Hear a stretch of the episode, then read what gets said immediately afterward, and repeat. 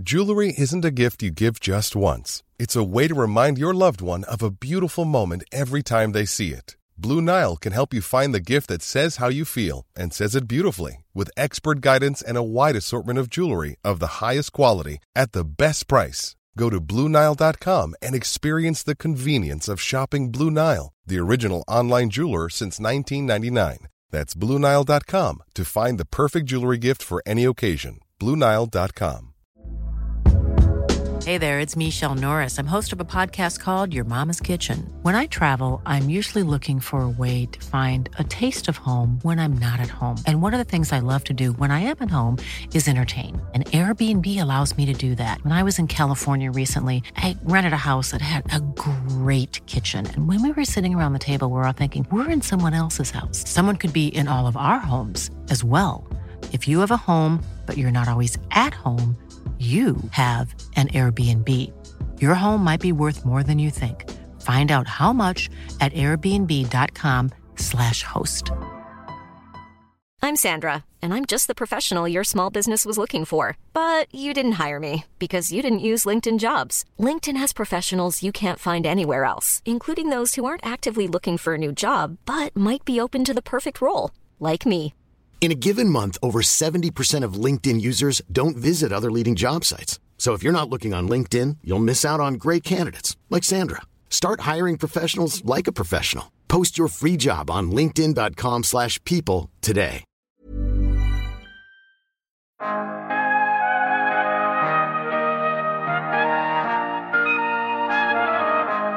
Och det är ju sensorer som man sätter utanpå inkontinensprodukter för att kunna byta produkten vid rätt tillfälle innan det har hunnit hända en stor olycka, en läcka eller något sånt. Men inte heller behöva störa patienter eller personer som kanske är dementa och oroliga när det inte behövs. Då.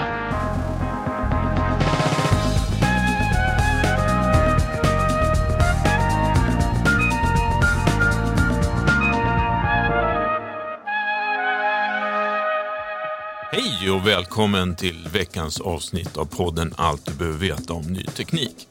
Jag heter Per Danielsson och den här veckan gästas vi av hygienproduktsföretaget Essitys VD Magnus Groth.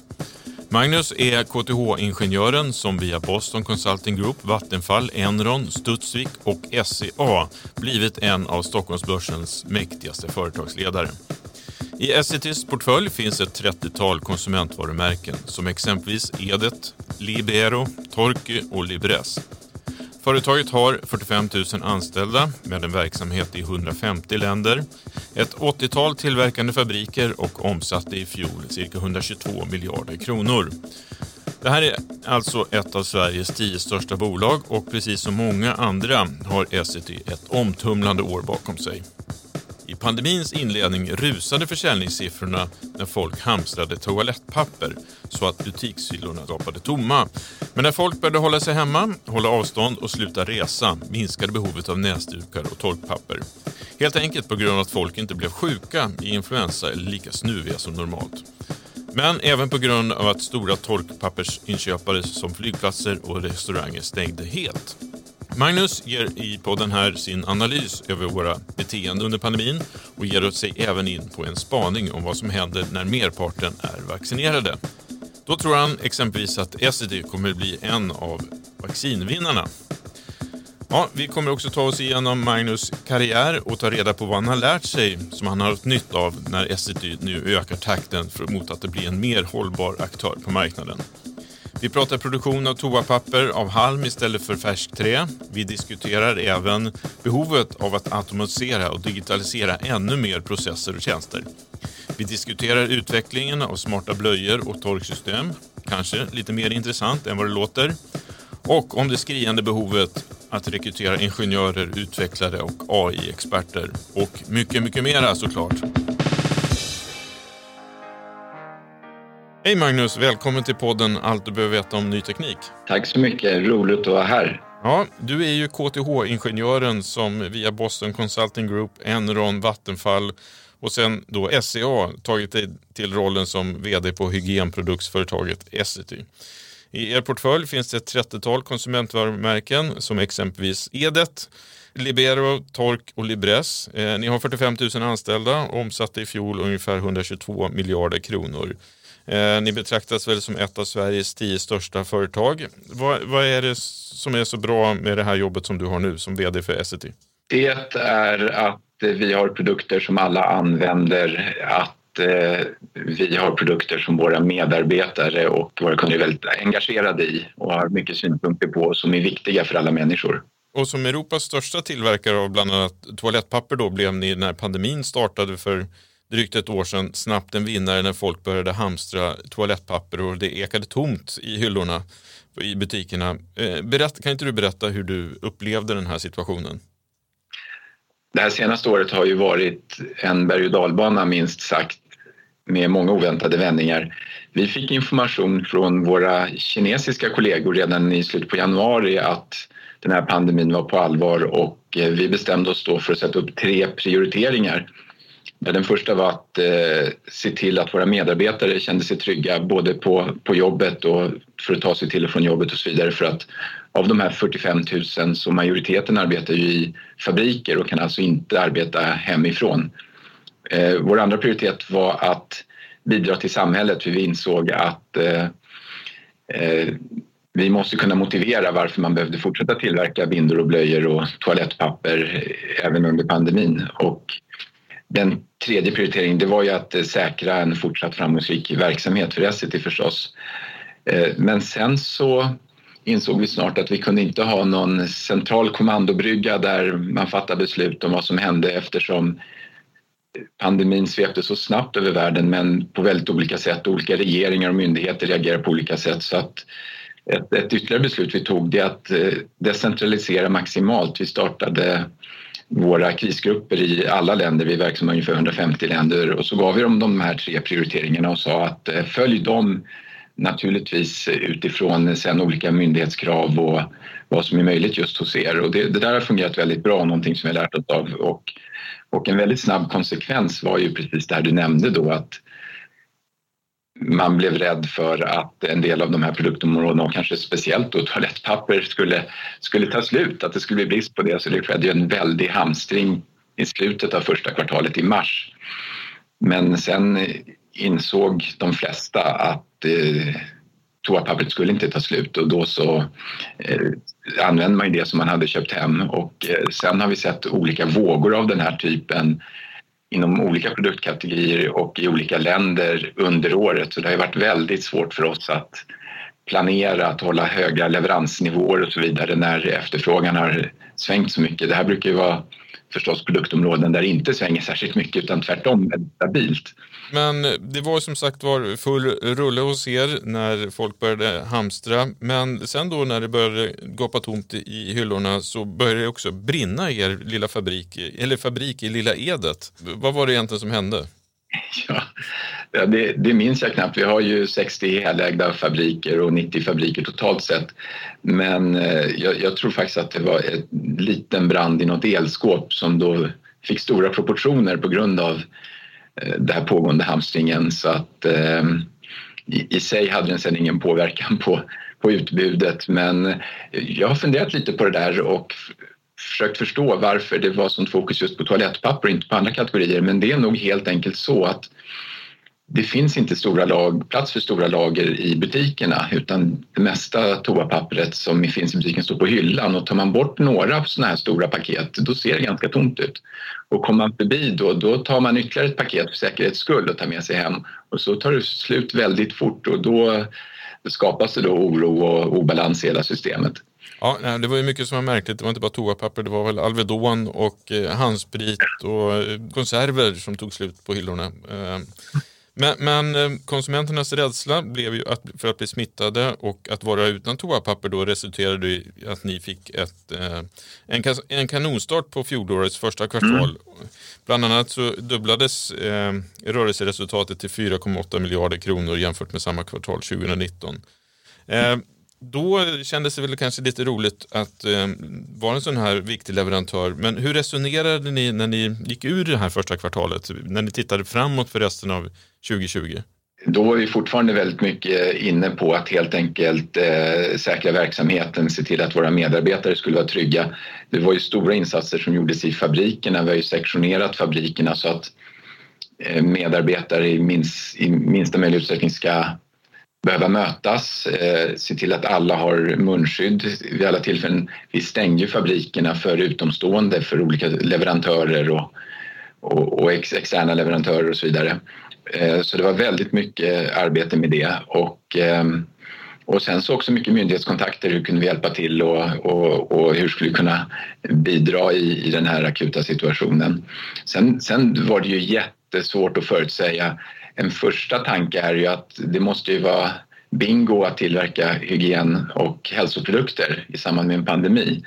Men sen har det ju visat sig att många av våra produktområden då har kan man säga, tryckts undan av eh, av eh, konsekvenserna av covid och nedstängningar, restriktioner, eh, pandemibekämpning. Kan, kan du ge exempel på sådana områden? Ja, ungefär 20 eh, procent av vår försäljning är ju Eh, mjukpapper och andra hygienprodukter till offentliga badrum, eh, restauranger, hotell, flygplatser, kontor, eh, skolor och under varumärket Tork. Vi har ungefär 20 i marknadsandel globalt och nu senast i det här första kvartalet i år så var ju försäljningen ner 36 procent eftersom många av de här platserna där man konsumerar de här hygienprodukterna har ju varit stängda helt enkelt. Så det påverkade oss väldigt negativt.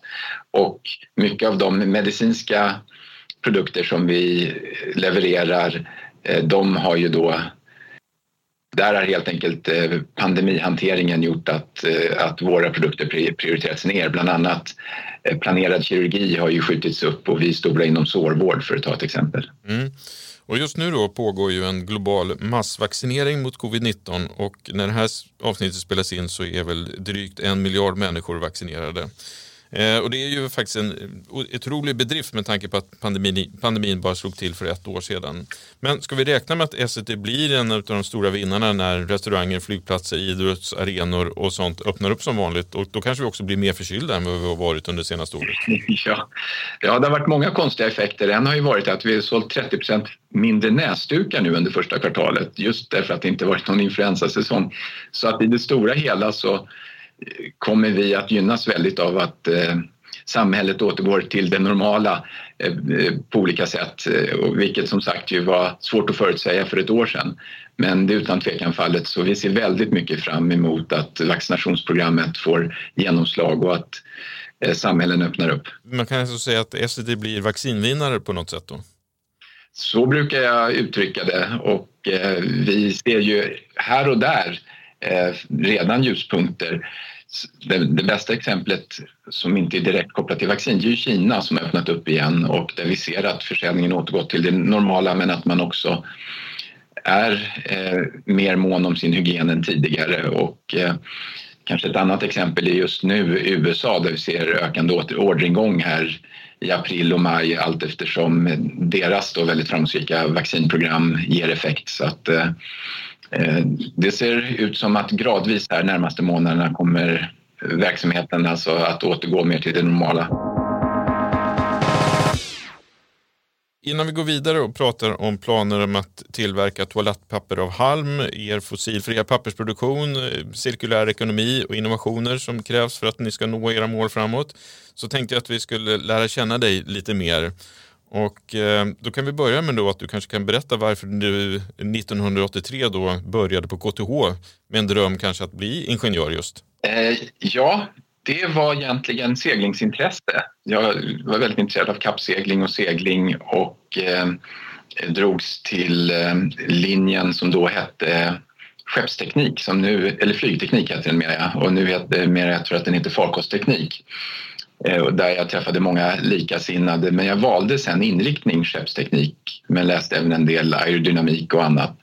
Så att eh, det var det som drog mig till KTH och eh, arbetade lite grann på helger och sommararbeten också på det området. Gjorde mitt examensarbete eh, genom att släpa Amerikas Cup, modeller av Amerikas Cup-båtar i släprännan på KTH med vink, olika typer av vingkölar. Jag tyckte det där var jätte kul.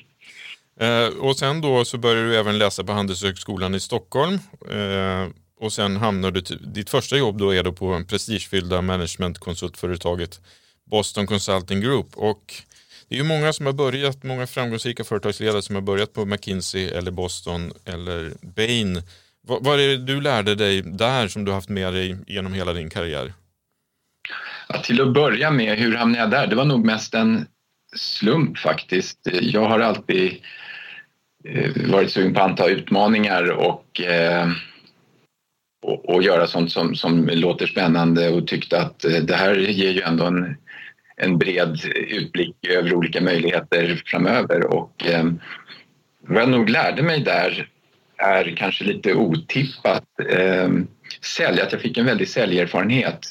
Bakgrunden är att Boston Consulting Group inte hade något kontor i Stockholm men skulle öppna så vi var ett antal nordbor som anställdes eh, för att lära oss hantverket och sen vara med då på öppnandet och det gjorde att vi fick ringa runt väldigt mycket och förklara för svenska industriföretag och andra vad Boston Consulting Group gjorde. Det var inte, bolaget var inte känt i Sverige och, och, i Norden på den tiden. Så säljerfarenhet, ett fantastiskt kundfokus mm, på de här företagen är beredda att arbeta väldigt hårt för att kunden ska vara nöjd. Men också eftersom vi inte själva hade någon erfarenhet, jag kom ju direkt från skolan så fick man basera sina rekommendationer på, på analys och på fakta och kanske inte då på erfarenhet och, och kunskap, speciellt med bransch. Nu tror jag det har ändrats så att konsultföretagen sedan dess kombinerar det med en hel del samlad erfarenhet men så var det inte på den tiden. Det var väldigt analysbaserat. Mm. Uh sen då så 1994 så hamnade du för första gången av två på Vattenfall. Då med titeln Senior Vice President Corporate Strategy. Eh, vad innebar det här egentligen?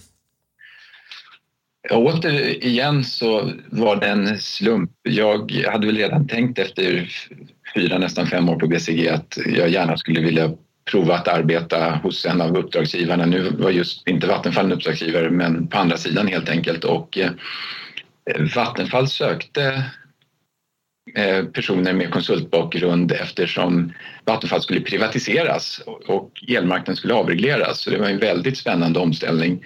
Och eh, sen fick jag möjlighet att arbeta inom ett antal olika områden där även på säljområdet men det här du beskriver också då affärsutveckling och strategi som just berörde väldigt mycket sen avregleringsfrågor. En sån enkel sak som att dela upp tariffen i två tariffer, en nättariff och en eltariff. Det låter ju som en självklarhet idag men det var ett stort projekt på den tiden. Så att, eh, det var fantastiska år eh, och en spännande utveckling för, för Vattenfall. Det är ett jättefint företag. Mm. Eh, visste du redan här då vid den här tiden att du skulle bli stor börs-VD? Nej, det har nog aldrig ingått i planerna utan jag har alltid som sagt eh, lockas av utmaningar och, och, att sen försöka göra ett så bra jobb som möjligt. Så att, eh, det var inte i planerna då, definitivt inte när jag tänker tillbaks. Nej. Eh, apropå utmaningar, så du stannar på Vattenfall i fyra år ungefär innan du tar, över, kli, eh, tar klivet över då till det sedermera skandalomsusade amerikanska energi och råvarubolaget Enron och du hamnar i Oslo. Eh, mm. när märkte du att det inte stod riktigt rätt till med Enrons verksamhet som då, vi kanske ska säga det, de ledde ju till att de gick i konkurs till slut efter att ha bluffat med intäkter via kreativa och så kallade planerade bokföringsbrott som det säger, sägs. Ja, det var ett av världens största bolag och därmed också en av världens största konkurser. Mm. Och tack för att du sa sedermera, för jag hade redan slutat då det här började uppdagas och det berörde inte heller den nordiska verksamheten. Men eh, Enron var ju en slags kombination av Boston Consulting Group och Vattenfall och ett otroligt expansivt företag som såg möjligheter att egentligen eh, handla med andra råvaror än traditionella olja och kol och sånt och såg att man kan handla också med el och gas och, och annat och eh, expanderade otroligt kraftigt i hela världen. Så det var eh, fantastiskt intressant också det här med elhandel, alltså trading som ju inte hade funnits, som kom i samband med avregleringen och, och de möjligheterna som som gavs där, där Enron ju låg långt, långt före de lokala aktörerna. Så att eh, jag jobbade på deras kontor i Oslo i, i tre år med den verksamheten men blev sen rekryterad tillbaks till Vattenfall och det var ju, det var ju egentligen mera tur än skicklighet och innan Eh, allt det här hände och, ehm, och det var ju baserat på den erfarenhet jag fått under de där tre åren. Det jag lärde mig där, det är ju värdet av att tänka i optionalitet, eh, alltså ett väldigt fritt tänkande. Man, på Vattenfall så jobbar man väldigt mycket med att sälja el men på en och samma spelar ingen roll om vi köper eller säljer så länge det finns en affär att göra. Och eh, det där har varit väldigt värdefullt att ha med sig, att tänka fritt på de här områdena. Vad var det, du gick då tillbaka till Vattenfall. Vad, vad, vilka uppgifter hade du då? Ja, då hade ju Vattenfall eh, expanderat ganska kraftigt under de här tre åren jag var borta och, och eh, jag arbetade mycket med integrationen av nyförvärvade bolag i Finland, Polen, Tyskland och eh, också att titta på den fortsatta expansionen. Så det var mycket affärsutveckling under de åren. Och sammanlagt tror jag att jag var faktiskt 12 år på Vattenfall, 6 plus 6 år. Så att, det var en lång period. Du har lite Vattenfall kvar i själen med andra ord? Absolut, ett av mina favoritföretag. Är du kund? Ja, det är det. Är. Och, eh, det är också en sån där rolig grej. Jag fortsatte vara ha an, specialavtal för anställda under flera år efter att jag slutade. Jag ringde varje år till kundtjänsten och sa att jag är inte anställd nu längre utan jag ska inte ha de här villkoren som anställda har. Men de sa alltid att ja, vårt system är ännu inte anpassat för att ta bort det där så att du får leva med det ett år till. Men, men eh, sen dess har det där naturligtvis utvecklats eh, jättemycket. Det är en väldigt spännande bransch, energi, energibranschen totalt sett. Ja, verkligen. Sen då 2006 så studsade du vidare i karriären och blev VD för kärnteknikbolaget Studsvik. Då är du ju VD helt plötsligt. Hur fick du det här jobbet då? Det var nog baserat på då att jag hade arbetat länge i kraftindustrin inom olika positioner och, och, och, och olika erfarenheter. Naturligtvis säljerfarenhet, ledningserfarenhet och också att jag hade ett, ett brett kontaktnät. Och eh, Studsvik är också ett otroligt fint företag som alltid har haft stora möjligheter men samtidigt haft kanske problemet att mycket av verksamheten på den tiden, nu är det inte så längre, var beroende av väldigt stora och komplexa projekt medan bolaget i sig omsatte ju bara drygt en miljard. Eh, så att man var väldigt beroende sen av myndighetstillstånd, tidplaner, eh, transporter och annat och, och blev det där fel då kunde ett halvår vara förlorat mer eller mindre. Eh, det var, men, men anledningen till att de rekryterade en ny VD då, det var ju att kärnkraften hade en renässans och då såg man ju en fantastisk roll för eh, Studsvik att jobba med kärnsäkerhet och inte minst omhändertagande av gamla anläggningar och kärnavfall och att det här skulle bli en snabbt expanderande sektor. Men sen så kom ju först finanskrisen och sen så kom vilket ju minskade behovet av investeringar i kärnkraft och annat och sen strax efter då Fukushima som ju innebar en tvärnit egentligen för hela, hela branschen som, som ju delvis branschen inte återhämtat sig från sedan dess. Nej. Eh, och sen då 2011 så värvas du, antar jag, till SCA där du blir då ansvarig för just det som är Essity idag, men du avancerar då från, också även från affärsområdeschef till VD 2015 och är med och tar beslutet att bryta loss SCT och börsnotera det under eh, 2017. Hur, hur kom du till eh, SCA då?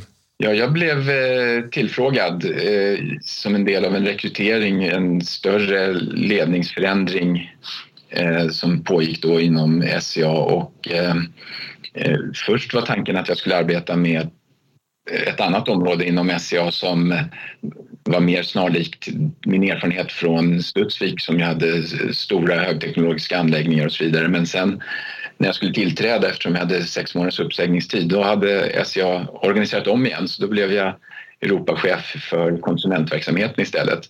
Eh, vilket ju inte egentligen var ett område där jag hade någon omfattande erfarenhet men som var otroligt eh, spännande och kul och med basering i München i Europas mitt. Så att eh, där arbetade jag i nästan fyra år till en början med och lärde mig ju hela konsumentbranschen som är något helt annat naturligtvis än eh, tunga industriella försäljningsprocesser och mm. så vidare. Men eh, SCA och nu SCT har ju det spännande att det har ju också, är också en tillgångstung verksamhet som är en spännande utmaning förutom naturligtvis själva det här med att eh, vara konsumentnära, innovativ och hela tiden utveckla verksamheten. Om man då tittar tillbaks på hela den här resan och skulle göra någon form av bokslut innan där du är idag. Eh, på vilket sätt skulle du säga att du har förändrats som ledare och chef? Ja, det, det går inte att göra bokslut. Vi är under eh, ständig omvandling och vi rör oss ständigt framåt. Eh, men eh, jag lärde mig på Studsvik till följd av eh, finanskrisen och för och så vidare, det var ju att man ibland måste fatta väldigt snabba och ganska tuffa beslut om kostnadsbesparingar och effektiviseringar och omställningar då och eh, så, så, att det var ju en, en, en, en jobbig men nyttig erfarenhet. Det jag tror jag haft med mig hela tiden det är eh, nyfikenhet, engagemang och resultatorientering och eh, och att hela tiden se framåt, att inte hålla på rota för mycket varför det blev som det blev. Även den frågan som du ställde, utan se vad, vad skapar värde framåt för kunderna och för aktieägarna och för våra anställda. Mm. Så att det tror jag är, är det som jag haft med mig hela tiden och också då det här att man måste ta beslut och eh, gå vidare helt enkelt.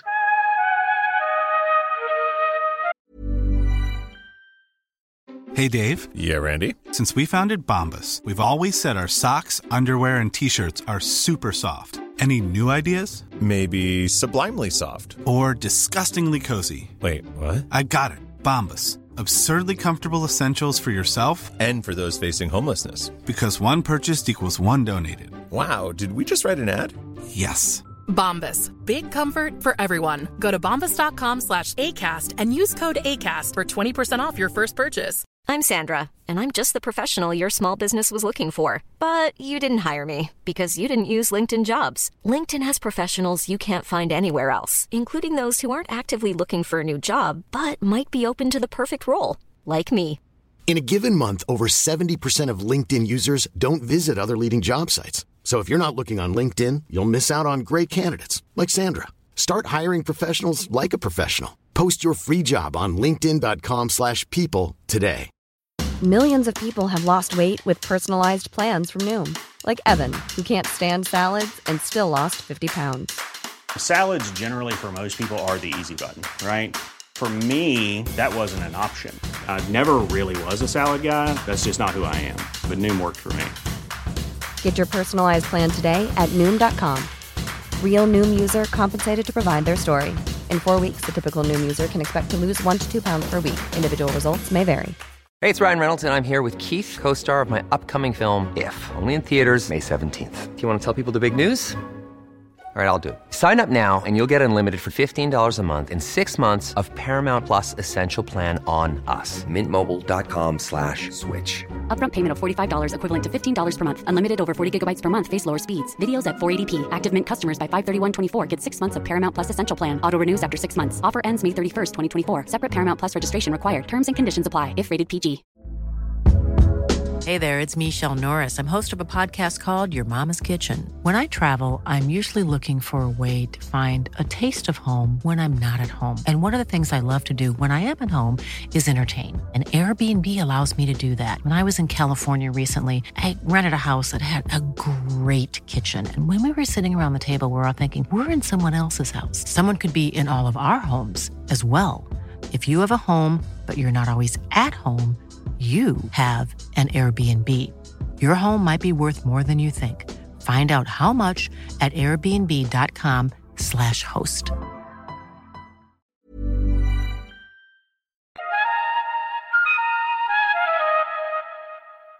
Nu ska vi prata lite mer om Essity och vi kanske kan börja då med att ni investerar just nu 400 miljoner kronor i ett pappersbruk i tyska Mannheim med syfte då att producera pappersprodukter från vetestrån och de här vetestråna finns då kvar som spannmål som skördas från vete. Eh, kan du berätta mer om varför ni gör den här satsningen och vad det innebär i längden? Ja, något som är jättespännande och viktigt för STT och tidigare även SCA det är ju hållbarhetsfrågorna därför att vi är en stor utsläppare av koldioxid men har alltid legat i framkant och alltid legat före våra konkurrenter. Och samma sak gäller nu så att vi har ju vi var en av de första bolagen som anslöt oss till Science Based Targets, det vill säga att få mål godkända för minskning av växthusgaser i en takt som gör att vi lever upp till Parisavtalets mål. Och för att klara det så har vi startat ett stort antal projekt och vissa är ganska rakt på sak. Energieffektivisering till exempel, eh, bränsleskifte till bränslen med mindre koldioxidavtryck och så vidare. Och så vidare. Men det här är ett spännande utvecklingsprojekt som också är väldigt cirkulärt. När vi gör toapapper, hushållspapper och eh, näsdukar och servetter och så vidare, då använder vi ju färsk eh, träfibermassa i stor utsträckning och en del återvunnet papper.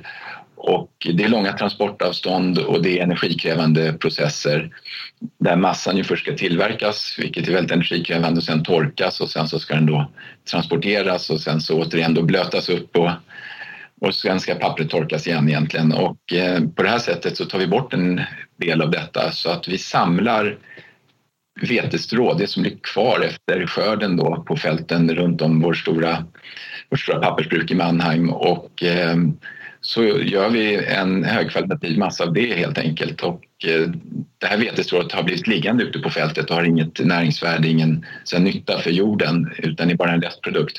Och den kommer ju dit varje år.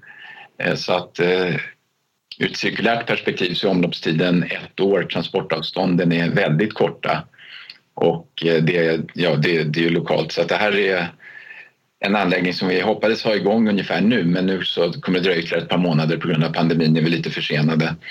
Men om det här fungerar då ser vi möjligheter att, att göra liknande anläggningar på andra håll runt om i världen, i USA, i Frankrike, i Ryssland och antagligen i Kina också och eventuellt med andra fibrer som olika typer av gräs och bambu och så vidare.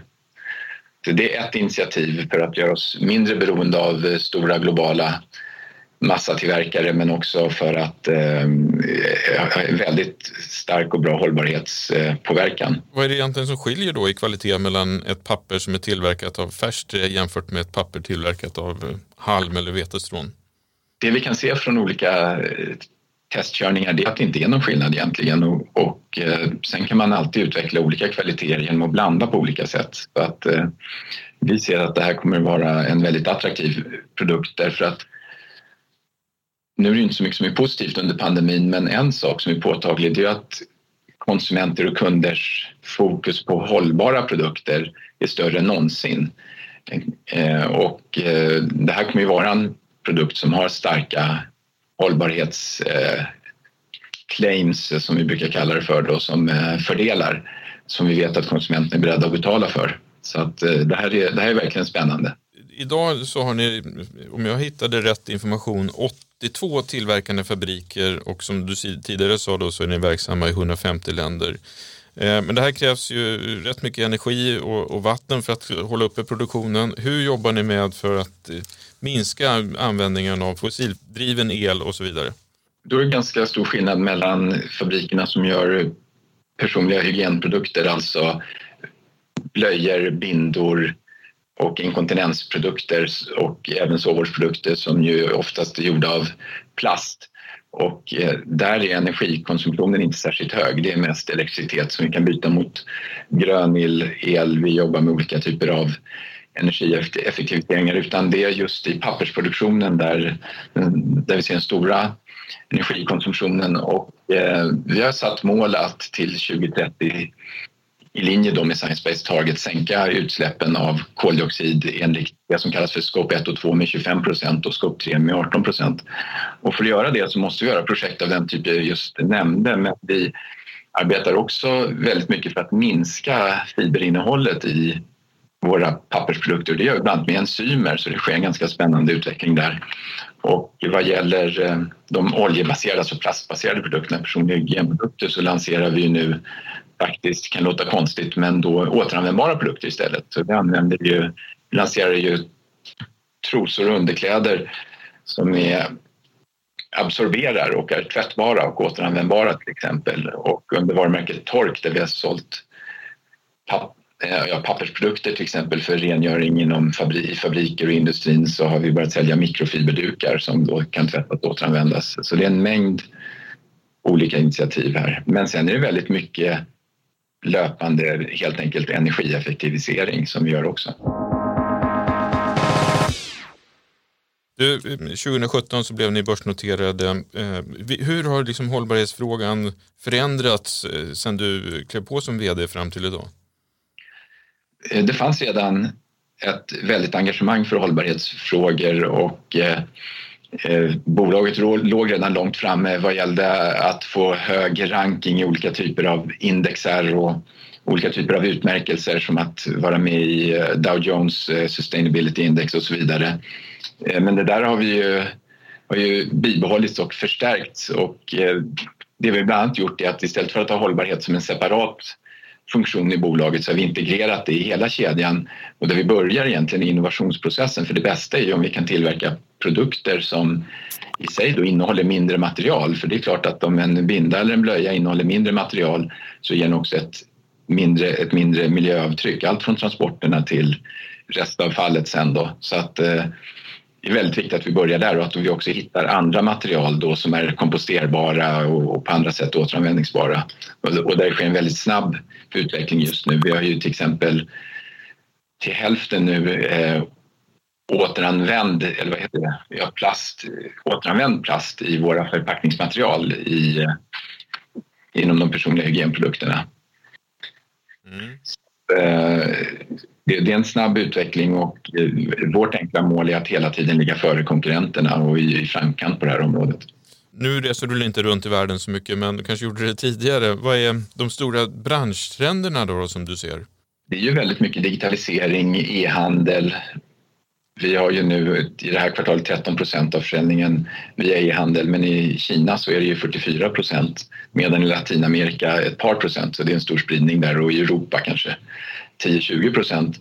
Så det är en otroligt stark trend och där ligger vi också i framkant. Vår enkla strategi har varit att vi ska vara ledande inom de kanaler, försäljningskanaler som växer snabbast och gentemot de kunder som växer snabbast för då växer ju vi snabbare också och där ligger ju e-handel till exempel. Så det är väldigt starkt. Det som vi själva satt som en ambition att ligga först det är ju att också ha digitala produkter. Så inom segment efter segment, det kan ju låta konstigt att vi har digitala produkter, vi som jobbar med engångs genlösningar av engångskaraktär. Men eh, till exempel just tork i offentliga badrum så sitter ju nu sensorer i alla pappersbehållare, tvålbehållare, även i toaletterna och det innebär att vi kan till exempel erbjuda fastighetsförvaltaren 20% lägre städkostnad samtidigt då som de här badrummen är fräschare, renare och har välfyllda behållare med papper och tvål. Och då erbjuder ett mycket större naturligtvis värde till den kunden än om vi bara säljer papper. Och ett annat exempel det är ju Tena SmartCare.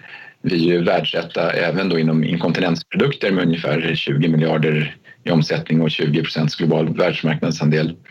Och det är ju sensorer som man sätter utanpå inkontinensprodukter för att kunna byta produkten vid rätt tillfälle innan det har hunnit hända en stor olycka, en läcka eller något sånt men inte heller behöva störa patienter eller personer som kanske är dementa och, och, och oroliga när det inte behövs. Då. Och det här är någonting som är väldigt intressant både inom vårdsektorn men faktiskt också för hemvård som ju blir allt viktigare nu för tiden. Ja, det där är otroligt intressant utveckling. Eh, jag vet ju att eh, era eh, fabriker är liksom modernt automatiserade, men jag läste också en text som publicerades för några år sedan där en av era affärsutvecklare uttalade sig att ni hade då ett stort behov av att anställa digitala analytiker, robotexperter och framförallt människor som är skarpa på matematik. Eh, då behövde ni helt enkelt bli bättre på att förstå och hantera data. Hur, hur ser det ut idag med det här behovet? Ja, det är ju större än någonsin. Nu har vi en eh, väldigt duktiga människor på olika håll i organisationen och kanske har vi kommit längst just inom produktionen där vi jobbar med preskript prescriptive, prescriptive maintenance, underhåll.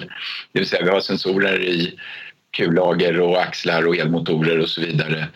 Vi sätter också sensorer på pappersmaskiner så att de ska vara självstyrande, automatiserad processkontroll så att de själva ändrar kemi, temperatur, hastighet på, på rullarna och så vidare. Vilket ger då en jämnare gång, bättre produktkvalitet och, och lägre kostnader för det blir färre oplanerade stopp och haverier. Och, och man kan också återigen spara på att eh, när man stora toleranser på pappret då måste man ju också använda mer fiber för att klara de, de, de, när, när pappret är som tunnast. Så att otroliga möjligheter och, och det där har vi byggt upp väldigt mycket själva. Det är inte så att det finns några leverantörer av de här grejerna utan vi har anställt duktiga unga ingenjörer direkt från högskolan och så gett dem i uppgift att testa på en pappersmaskin helt enkelt och sen det som fungerar rullar vi ut. Och jag såg någonstans att vi samlar in flera miljarder datapunkter eh, nu per skift om man tittar på koncernen som helhet då, som vi använder för olika typer av analys. Men det som kommer framåt som du är inne på det är ju det här i kundgränssnittet naturligtvis. Mm. Både för eh, prissättning vad gäller just eh, olika typer av kampanjer och annat men inte minst att kunna erbjuda data som vi samlar in till våra kunder ett, för att återgå då till tork, de här offentliga badrummen igen, så en tjänst som vi då kunnat lansera just nu det är ju eh, att systemet i ett stort fastighetsbestånd signalerar när man behöver beställa mer torkpapper till exempel, när det börjar ta slut. Så det är en automatisering som är baserad också på data och vi kan också ge data till exempel till flygplatser eller andra stora anläggningar om vilka badrum som behöver byggas ut eller vilka som kanske är onödiga och kan stängas och inte behöver städas och så vidare. Så det finns ju, och i framtiden nu så kommer det ju också ställas krav tror jag på att badrummen har en helt annan hygienstandard än de har haft på restauranger och sjukhus och, andra håll då, och, och, och, det kommer också bli helt datadrivet framåt. Och det vill jag säga till kanske om du lyssnar lite unga studenter här att eh, som ju ofta vi jobbar på de här stora techföretagen men stora företag som Essity har en otrolig satsning på tech också som kanske inte syns på samma sätt men är minst lika spännande och vi har ju väldigt stora resurser för att investera på de här områdena också. Så att eh, massor av möjligheter. Det blev lite eh, employee branding där samtidigt. Absolut. Det är bra. Eh, I samband med allt det här så har ni också klivit in som medgrundare av, av eh, AI Innovation Sweden. Varför eh, har ni gjort detta? Nej, men det är ju för att ligga nära. Utvecklingen går ju så fort och man ser så många möjligheter att tillämpa avancerad analys på stora datamängder i realtid så att man vet ju knappt var man ska börja och det här är ju ett sätt att eh, lära oss för att se hur man gör i andra branscher. Eh, och, och, och, vi gjorde ju precis på samma sätt vad gäller utmaningen vad gäller plastförpackningar till exempel. Då är vi också med i olika samarbeten med bolag från andra branscher för att se var kan vi lära oss gemensamt? Var finns det stora värdet? Och, och, och sen naturligtvis också se till att vi har bra utbildningar på viktiga marknader och så vidare. Så att eh, det där är ett jättespännande samarbete som jag tror mycket på. Ett sätt att lära sig från andra stora bolag som inte är direkta konkurrenter helt enkelt. Och nyligen presenterade ni också mer information om ert program Manufacturing Roadmap som delvis innebär kostnadsbesparingar på upp till en miljard kronor per år men framförallt ett syfte att förbättra er produktion. Vad är det ni ska förbättra under det här, inom det här programmet?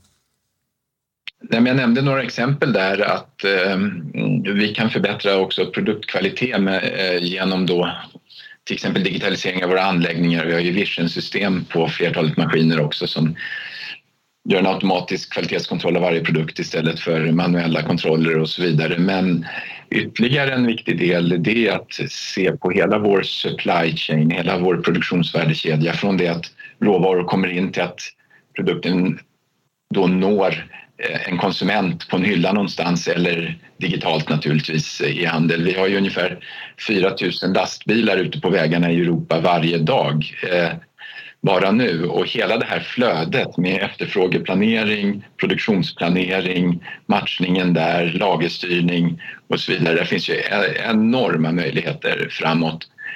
Inte bara för effektivisering utan också för högre servicenivåer och lägre rörelsekapitalbindning. Så att det där är ett stort, en stor del av manufacturing roadmap här i framtiden.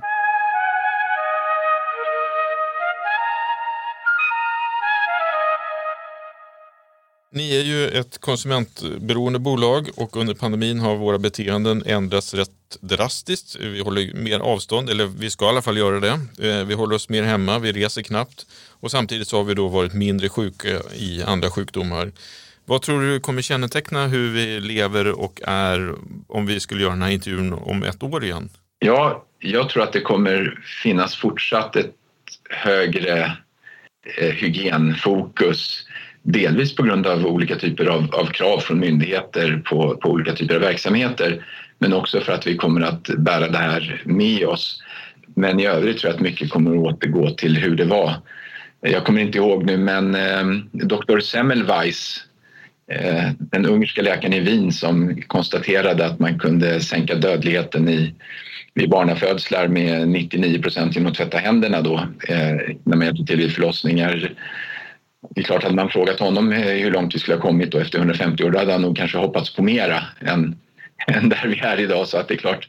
Eh, men, men eh, nu har ju ändå hela världens befolkning sett värdet av eh, ökad hygien och det tror jag kommer bestå framåt. Om jag tittar lite in i framtiden så, och påstår att ni kommer leverera mycket mer smartare lösningar, smarta, smarta blöjor till och med kanske till, till barn och vuxna. Eh, smart, smart pappershantering, har jag mm. rätt då? Absolut, och vi har ju som sagt redan inkontinensprodukter, alltså blöjor för vuxna som är smarta, som har sensorer. Sen så, och, och, det finns alla möjligheter att göra det även på barnblöjor, även om faktiskt konsumentintresset inte har varit riktigt tillräckligt stort ännu, vilket förvånar mig. Om jag vore ung förälder idag så skulle jag absolut vilja se på min app få en signal när blöjan behöver bytas. Ja, jag håller med dig.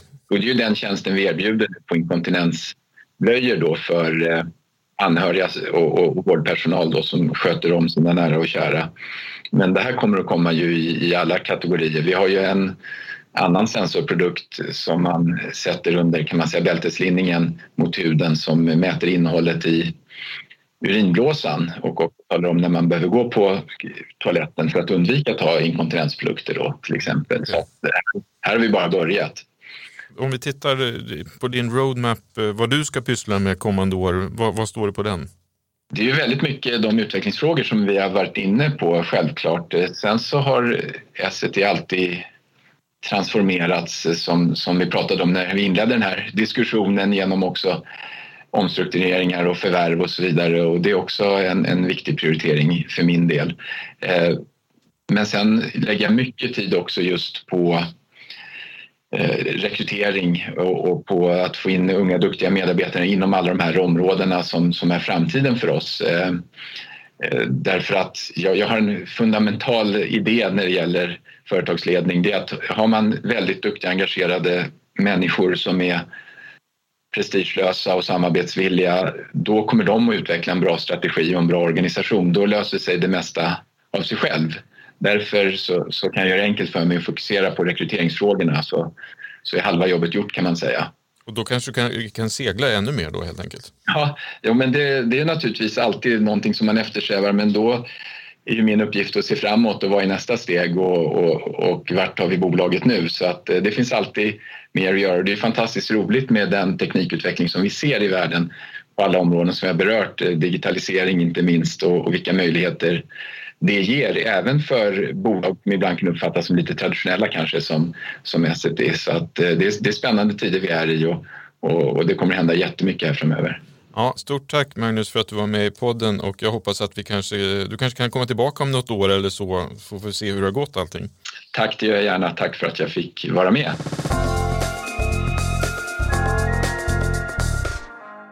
Stort tack för att du har lyssnat på veckans avsnitt med Magnus Groth. Gör gärna som tusentals andra och klicka på prenumerera så missar du inget avsnitt.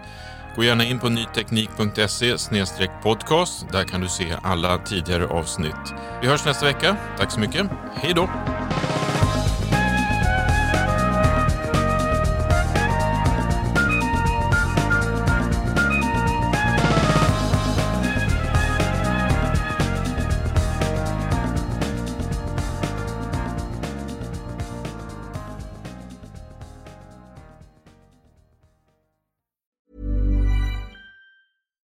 We're on a budget, we still deserve nice things.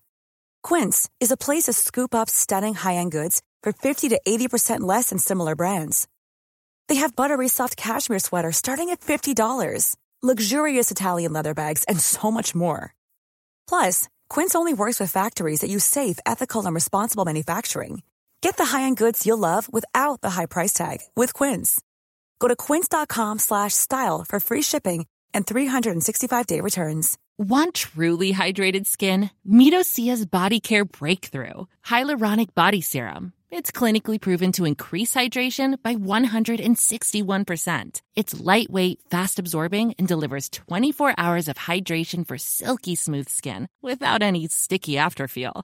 Treat your skin to clean, vegan skincare from Osea. Get 10% off your first order with code SUMMER at OseaMalibu.com. That's O S E A Malibu.com code SUMMER.